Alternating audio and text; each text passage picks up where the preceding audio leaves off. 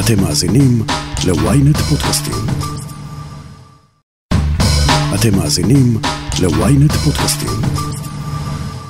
היום תיפתח בשארם א-שייח ועידת האקלים של האו"ם. במשך שמונה ימים ידונו מנהיגי העולם במשבר שכבר נמצא כאן ומשפיע על החיים של כולנו.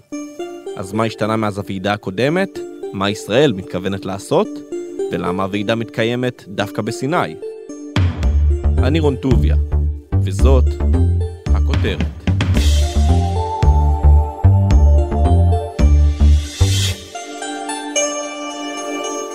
Good afternoon, everybody. Welcome to COP. Welcome to Glasgow. בלי ששמנו לב, עברה שנה מאז ועידת האקלים האחרונה.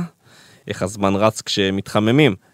ובזמן שתשומת הלב של רוב הציבור הישראלי מכוונת לתוצאות הבחירות, הנושא שאולי צריך להיות במקום הראשון בסדר העדיפויות שלנו, נדחק לאחורי החדשות.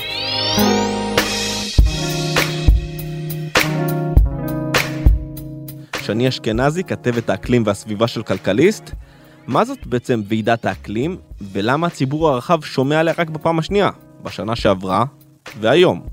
למה אנחנו שומעים עליה רק בפעם השנייה זאת שאלה ממש טובה.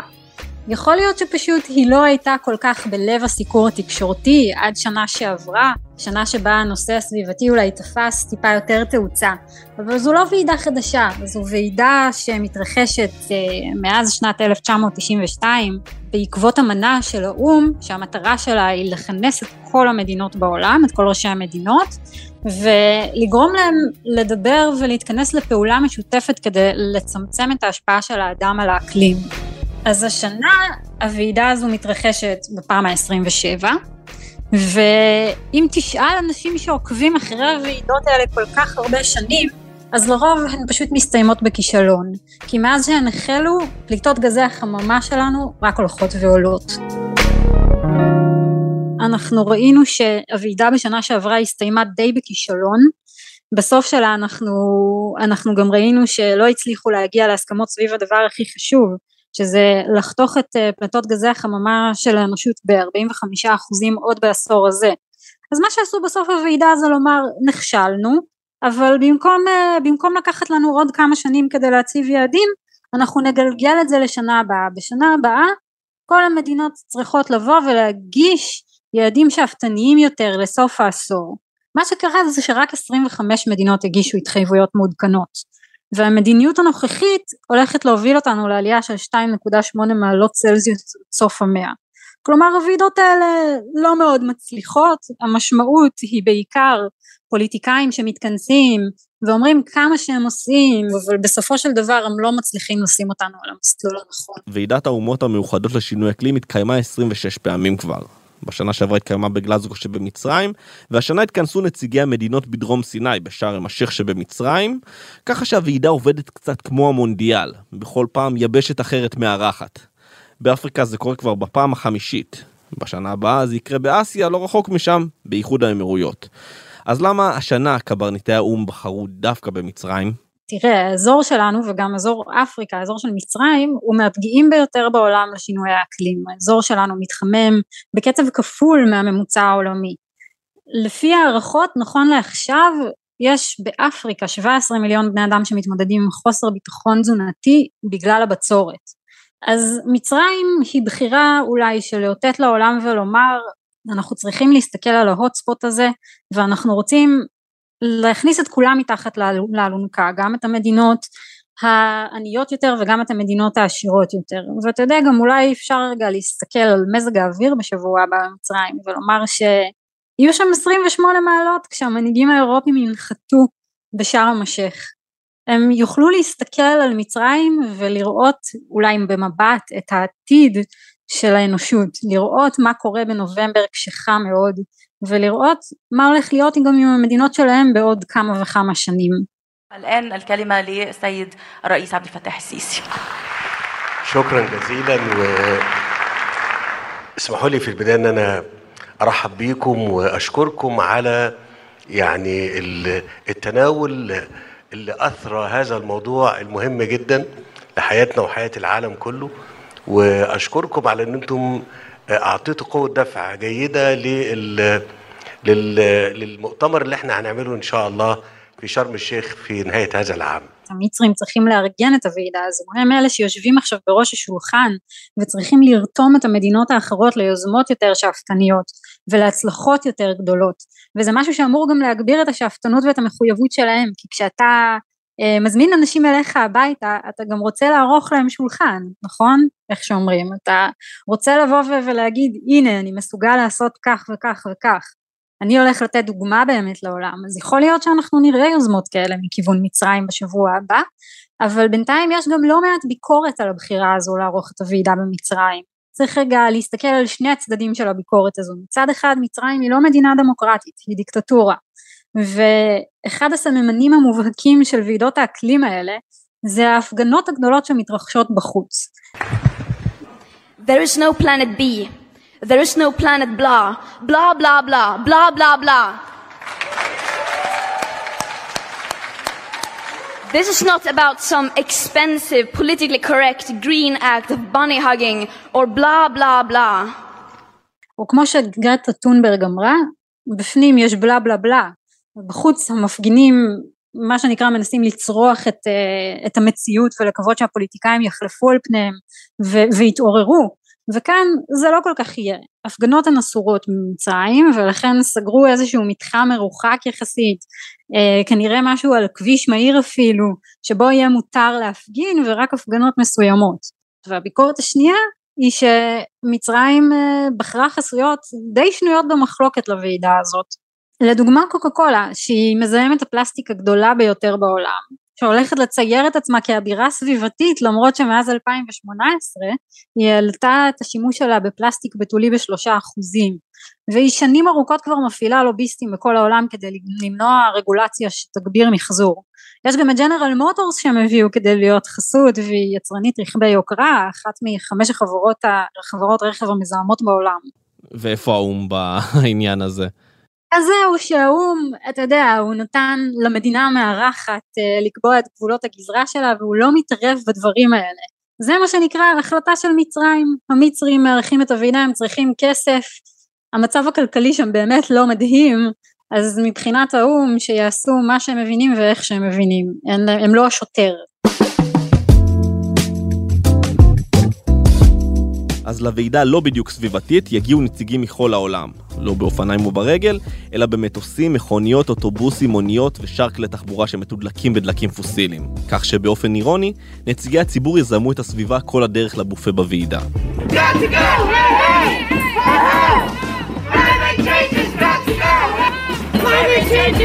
אחרי שבשנה שעברה בגלזגו הפעילים הפגינו על הזיהום האירוני של הוועידה, ואחרי שעברנו שנתיים של קורונה בהם גילינו את נפלאות הזום, למה שאת הוועידה לשינוי אקלים לא יעשו באופן וירטואלי?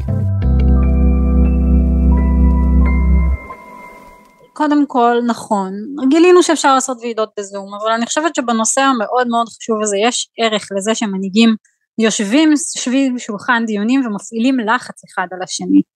אני יכולה לומר לך שאני חושבת שהעניין הזה של הטיסות זה באמת זוטות לעומת התועלת שיכולה לצמוח מהוועידה הזו. הבעיה היא שלא צומחת ממנה שום תועלת ואתה יודע מה בואו נדבר שנייה על ישראל. מה אתה, כמה אנשים אתה חושב שהולכים לטוס או לנסוע באוטובוס, אה, רכב פרטי, אני לא יודעת, אה, לשאר המשך לוועידה הזו בשבוע הבא? זרקי מספר, אני מעריך שבאזור ה-800? אה, יפה, אתה רואה? איך זה, איך זה שידעת? אולי מישהי גילתה לך קודם? אז אכן זו הולכת להיות משלחת עצומה, בשנה שעברה זו הייתה המשלחת הגדולה ביותר שישראל שלחה עד אז, זה היה בסביבות ה-500 נציגים, הפעם זה הולך להיות 800, 100 מתוכם זה נציג, נציגי ממשלה, יהיו שם שישה שרים, 14 מנכ"לים של משרדים ויחידות סמך, והרבה כאלה שכבר אנחנו לא, לא נראה בעוד אה, כמה שבועות בתפקיד כי הממשלה מתחלפת, לא עשינו הרבה כדי ממש להיות חלק מהמאמץ מה, העולמי להפחית את הפלטות אבל אנחנו ממש הולכים לחגוג שם. כמה אנחנו הולכים לחגוג? אנחנו הולכים אפילו להקים ביתן. אתה יודע מה יהיה בביתן רון? אנחנו נשקיע חמישה מיליון שקלים כדי להקים ביתן שבו אנחנו ננסה לשכנע את העולם שישראל היא מדינת אקלים טק. נכון אנחנו ממש גרועים בלהפחית פלטות ולעמוד בהתחייבויות שלנו אבל אנחנו מישראל נוציא את הסטארט-אפים הבאים שיצליחו לעזור למדינות אחרות להפחית את הפליטות שלהן. לפני שאנחנו מדברים על זה שאנחנו נכנסים מתחת לאלונקה העולמית, בואו נדבר על זה שהדרך שבה אנחנו מייצרים חשמל ומשתמשים בתחבורה גורמת למוות של כאלפיים בני אדם בשנה מזיהום אוויר אז אם הם יטרחו לעשות את הטרנספורמציה הזו לחשמל נקי, לאוטובוסים חשמליים, לצמצם את השימוש ברכב פרטי, זה קודם כל תהיה תועלת שלנו, אבל הם פשוט לא עושים את זה. מי שבדיוק שחרר את היד מהאלונקה וביטל את הגעתו לוועידה, הוא ראש הממשלה היוצא יאיר לפיד. Israel is at the beginning of a revolution on climate change. We recently started implementing our 100 step plan, which means that we're currently doing more to promote clean energy and reduce greenhouse gases than at any other time in our country's history. לאחר שבשנה שעברה היה זה קודמו נפתלי בנט, שניסה לשכנע את העולם למי יש סטארט-אפ אקלימי יותר גדול, מי שהוביל השנה את המשלחת הישראלית הוא בכלל הנשיא יצחק הרצוג. עבור המנהיגים שלנו יש כאן הזדמנות אה, מדהימה. צריך לומר שבנט טס בשנה שעברה, הוא עמד על הבמה ואמר שישראל מתחייבת עד שנת 2050 לאפס את פליטות גזי החממה שלה כי זה מה שהמדינות המתקדמות התחייבו אבל ישראל לא טרחה לעגן את זה בשום דבר וכנראה גם לא באמת בכיוון של לעשות את זה. זה לא הממשלה היה לה שנה שלמה לחוקק להעביר החלטת ממשלה בנושא וזה פשוט לא נעשה. אבל בנט קיבל הזדמנות נהדרת לשבת עם ראשי ממשלות ושועי עולם ולדבר על איראן ולדבר על הטרור ובאמת זה מה שהוא עשה בוועידת האקלים בין היתר אם לא בעיקר. ולכן ראשי ממשלות אני מניחה גם בעתיד גם אם אין להם באמת איזושהי כוונה אמיתית בתחום לא, לא יפספסו את ההזדמנות לטוס לשם. אנחנו נראה שם השנה את ג'ו ביידן אנחנו נראה אה, אפילו את ראש הממשלה הבריטי שבהתחלה אמר שהוא לא ייסע וחטף הרבה מאוד אש ונוסע. אנחנו נראה משלחות גדולות מאוד וראשי ממשלות ולכן לפוליטיקאים האירוע הזה מאוד קורץ. אז מי כן יצאו להפגין בשארם א-שייח, ואיך אפשר להשתמש במשבר כדי לשנות את מאזן הכוחות הכלכלי בישראל ולחזק אוכלוסיות חלשות? הודעה קצרה, ומיד נמשיך עם הכותרת. ynet רדיו, הרדיו הדיגיטלי הראשון בישראל, מחכה לכם בכל מקום ובכל זמן שתבחרו, עם נבחרת המגישים שלנו ומיטב התוכניות. ynet רדיו, להאזנה באפליקציה ובאתר ynet.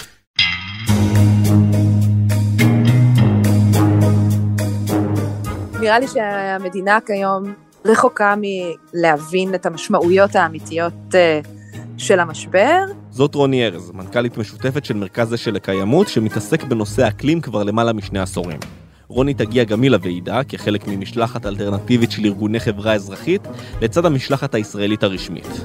רוני רואה מנקודת המבט שלה שהשינויים הסביבתיים הולכים יד ביד עם המצב החברתי בארץ ובעולם. וכשמסתכלים על הפתרון למשבר האקלים, חייבים לקחת את מי שהולכים להיפגע ממנו הכי קשה.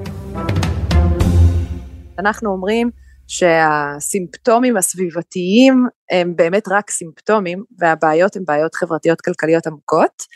ולכן אנחנו מוציאים לשארם אה, משלחת של אה, ארגוני שינוי חברתי, ייצאו איתנו במשלחת אה, רופאים לזכויות אדם וכוח לעובדים ומיזם סעיד אחרומי ועוד אה, שותפים טובים ויקרים שמבינים שלאוכלוסיות המוחלשות בישראל יש אה, הרבה מאוד אינטרס לוודא שהנושא של האקלים יטופל פה בצורה אמיתית ועמוקה וגם הפתרונות שייבחרו לנושא של האקלים הם פתרונות שמבוססים על צדק חלוקתי ועל שוויון ועל הזדמנות אמיתית לעשות פה סדר מחודש של הכוח וההון. אבל כרגע הפתרונות שהמדינה מציעה הם מעטים, ועוסקים יותר באיך ישראל תרוויח מייצוא הפתרונות לעולם, מאשר איך היא מתמודדת עם המשבר כאן, אצלנו בבית. כרגע יש, הדיבור היחידי זה הנושא של אה, ההזדמנויות אה, בתחום ההייטק, והחדשנות הטכנולוגית אה, סביב הנושא של האקלים. ההסתכלות פנימה לתוך ישראל ומה שאנחנו צריכים לעשות גם כדי להשתתף בזירה הבינלאומית ולתרום את חלקנו וגם כדי להכין את אה, מדינת ישראל עצמה להשלכות של המשבר. לצערי אה, אנחנו, אנחנו מאחורה ואנחנו בטח ובטח שלא אה, עומדים בקצב הנדרש להכין את עצמנו אל האסונות שכבר קורים וימשיכו ויקרו יותר ויותר. אז לצערי כנראה כרגע במדינת ישראל הנושא הזה נחשב כלא דחוף, למרות שכל המדענים יגידו שאין דבר דחוף מזה, אבל העובדה היא שלא, לא הצליחו לעגן את המחויבות אה, של ישראל אה, להפחתת פליטות.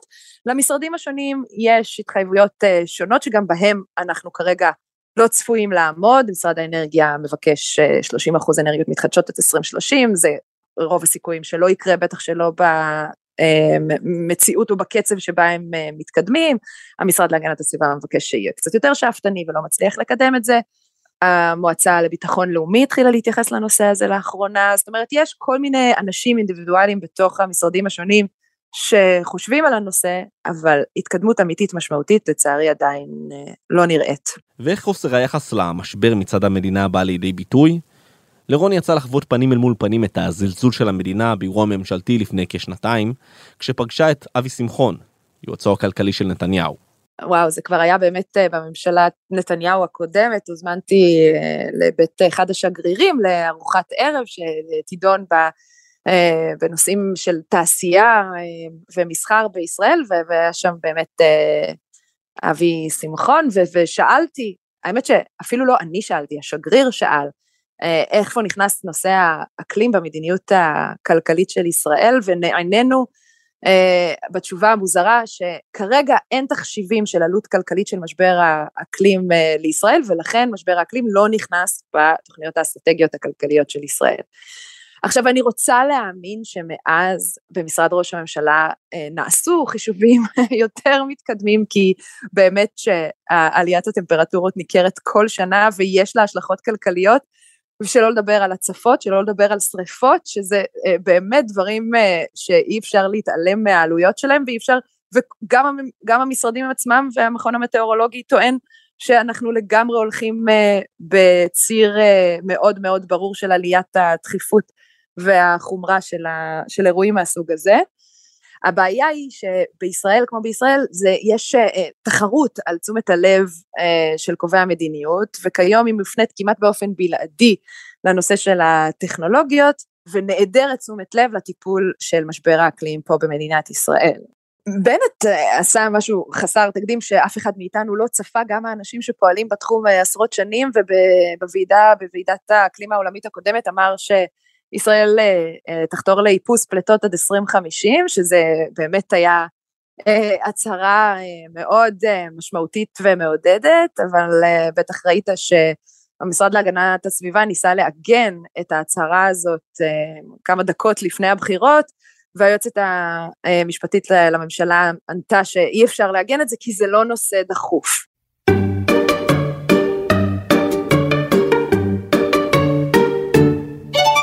אז נכון, יש הרבה מה לעשות, אבל בשנה האחרונה פעילי האקלים הישראלים זכו לניצחון קטן.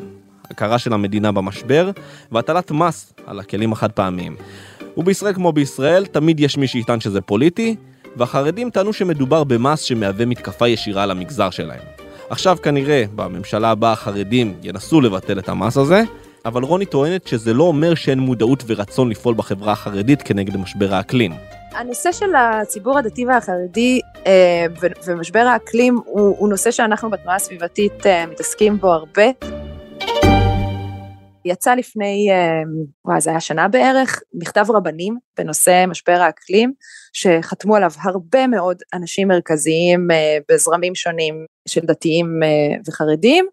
זאת אומרת, יש עיסוק, זה נכון שזה לא נחשב נושא שהוא באמת חזק על סדר היום, ובאמת יש שם אה, פער גדול בין ההבנה של הנזקים הבריאותיים שיש אה, גם לחד הפעמי וגם למשקאות הממותקים, וכמובן ההשלכות אה, של האקלים, אבל שוב, יש כל כך הרבה נזקים עוד לפני האקלים בנושא של החד פעמי והמשקאות הממותקים, אבל באמת, הפערים גדולים. רוני מבקשת לראות במשבר לא רק את מה שנפסיד, אלא מה שנרוויח בדרך לפתרון שלו. דוגמה אחת לכך היא האפשרות לשינוי אספקת החשמל במדינה. הנושא של הכוח ושל השליטה בתחום האנרגיה בישראל הוא עדיין בעיה וחסם אמיתי לפריצת דרך בנושא הזה של אה, אנרגיות אה, מתחדשות. במדינת ישראל, כמו בכל מקום אחר בעולם, האוכלוסיות המוחלשות הם אלה שייפגעו ראשונים ובצורה החמורה ביותר. העובדה שיש פה הזדמנות לביזור בגלל האופי של אנרגיות מתחדשות, בגלל ה... אופי של הצרכים הדמוקרטיים שמהלך והחלטות מהסוג הזה נדרשים אליהם, יש פה הזדמנות לשתף אוכלוסיות מוחלשות, להוציא אה, אוכלוסיות מעוני ומבעיות תעסוקה דרך הנושא הזה של תעסוקה ירוקה, דרך הנושא הזה של אה, ייצור אנרגיות מתחדשות, בעצם כל מי ששם פאנל סולארי על הגג שלו יכול להתחיל לייצר הכנסות בהחזר השקעה לא מאוד גבוה, כיום הפאנלים זולים, האפשרות קיימת, יש בעיות לצערנו של רגולציה בישראל, משהו באמת חצי אבסורדי ואפילו לא מוסבר מאוד, אין הסבר טוב לחברת חשמל למה היא לא מאפשרת אה, יותר ייצור אה, על ידי אנשים פרטיים. אני מאמינה שגם הלחצים של השוק וגם באמת ההזדמנויות הכלכליות שטמונות במתחדשות, הם ייתנו את אותותיהם גם אם אנחנו העמותות אה, לא נצליח אנחנו לקדם את הנושא הזה, גם אם זה יהיה באמת השוק אולי יותר לאט, אבל בסופו של דבר נגיע לשם. רוני ארז, תודה רבה. בשמחה.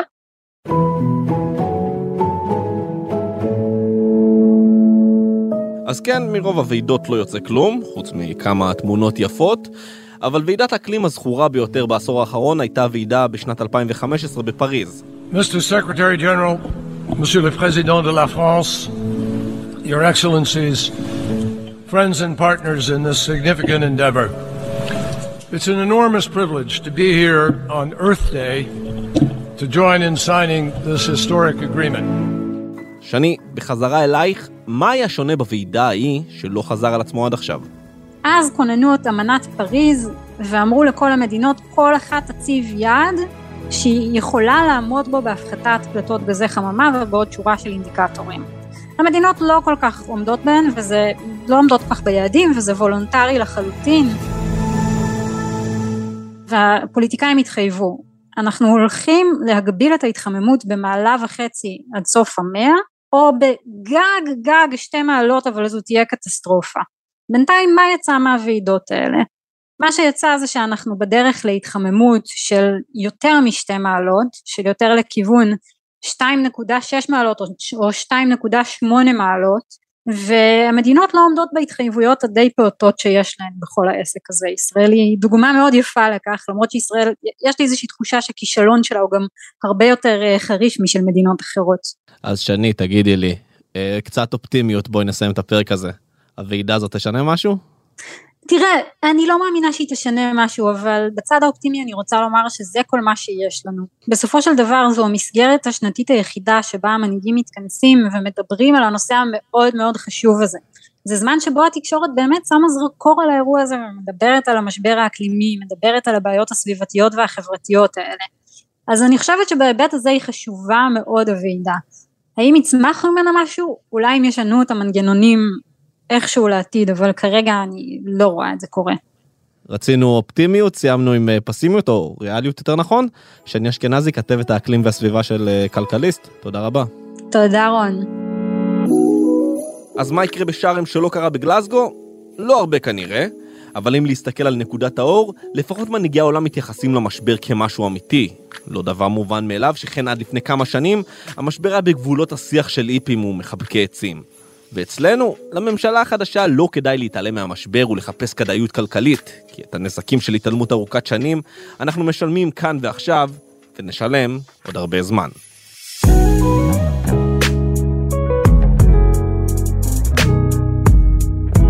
עד כאן הכותרת להפעם. אתם מוזמנים לעקוב אחרינו בוויינט רדיו, באפליקציה בנייד וגם ברכב, או איפה שאתם שומעים את הפודקאסטים שלכם. אם זה קורה באפל ובספוטיפיי, אתם מוזמנים גם לדרג אותנו ולהאזין לפרק נוסף שלנו על משבר האקלים. חפשו את הפרק אירופה בוערת, ואנחנו רדומים. איתי בצוות הכותרת שרון קידון, ישי שנרב, אלי שמעוני וגיא סלם. אני רון טוביה, ניפגש בפעם הבאה.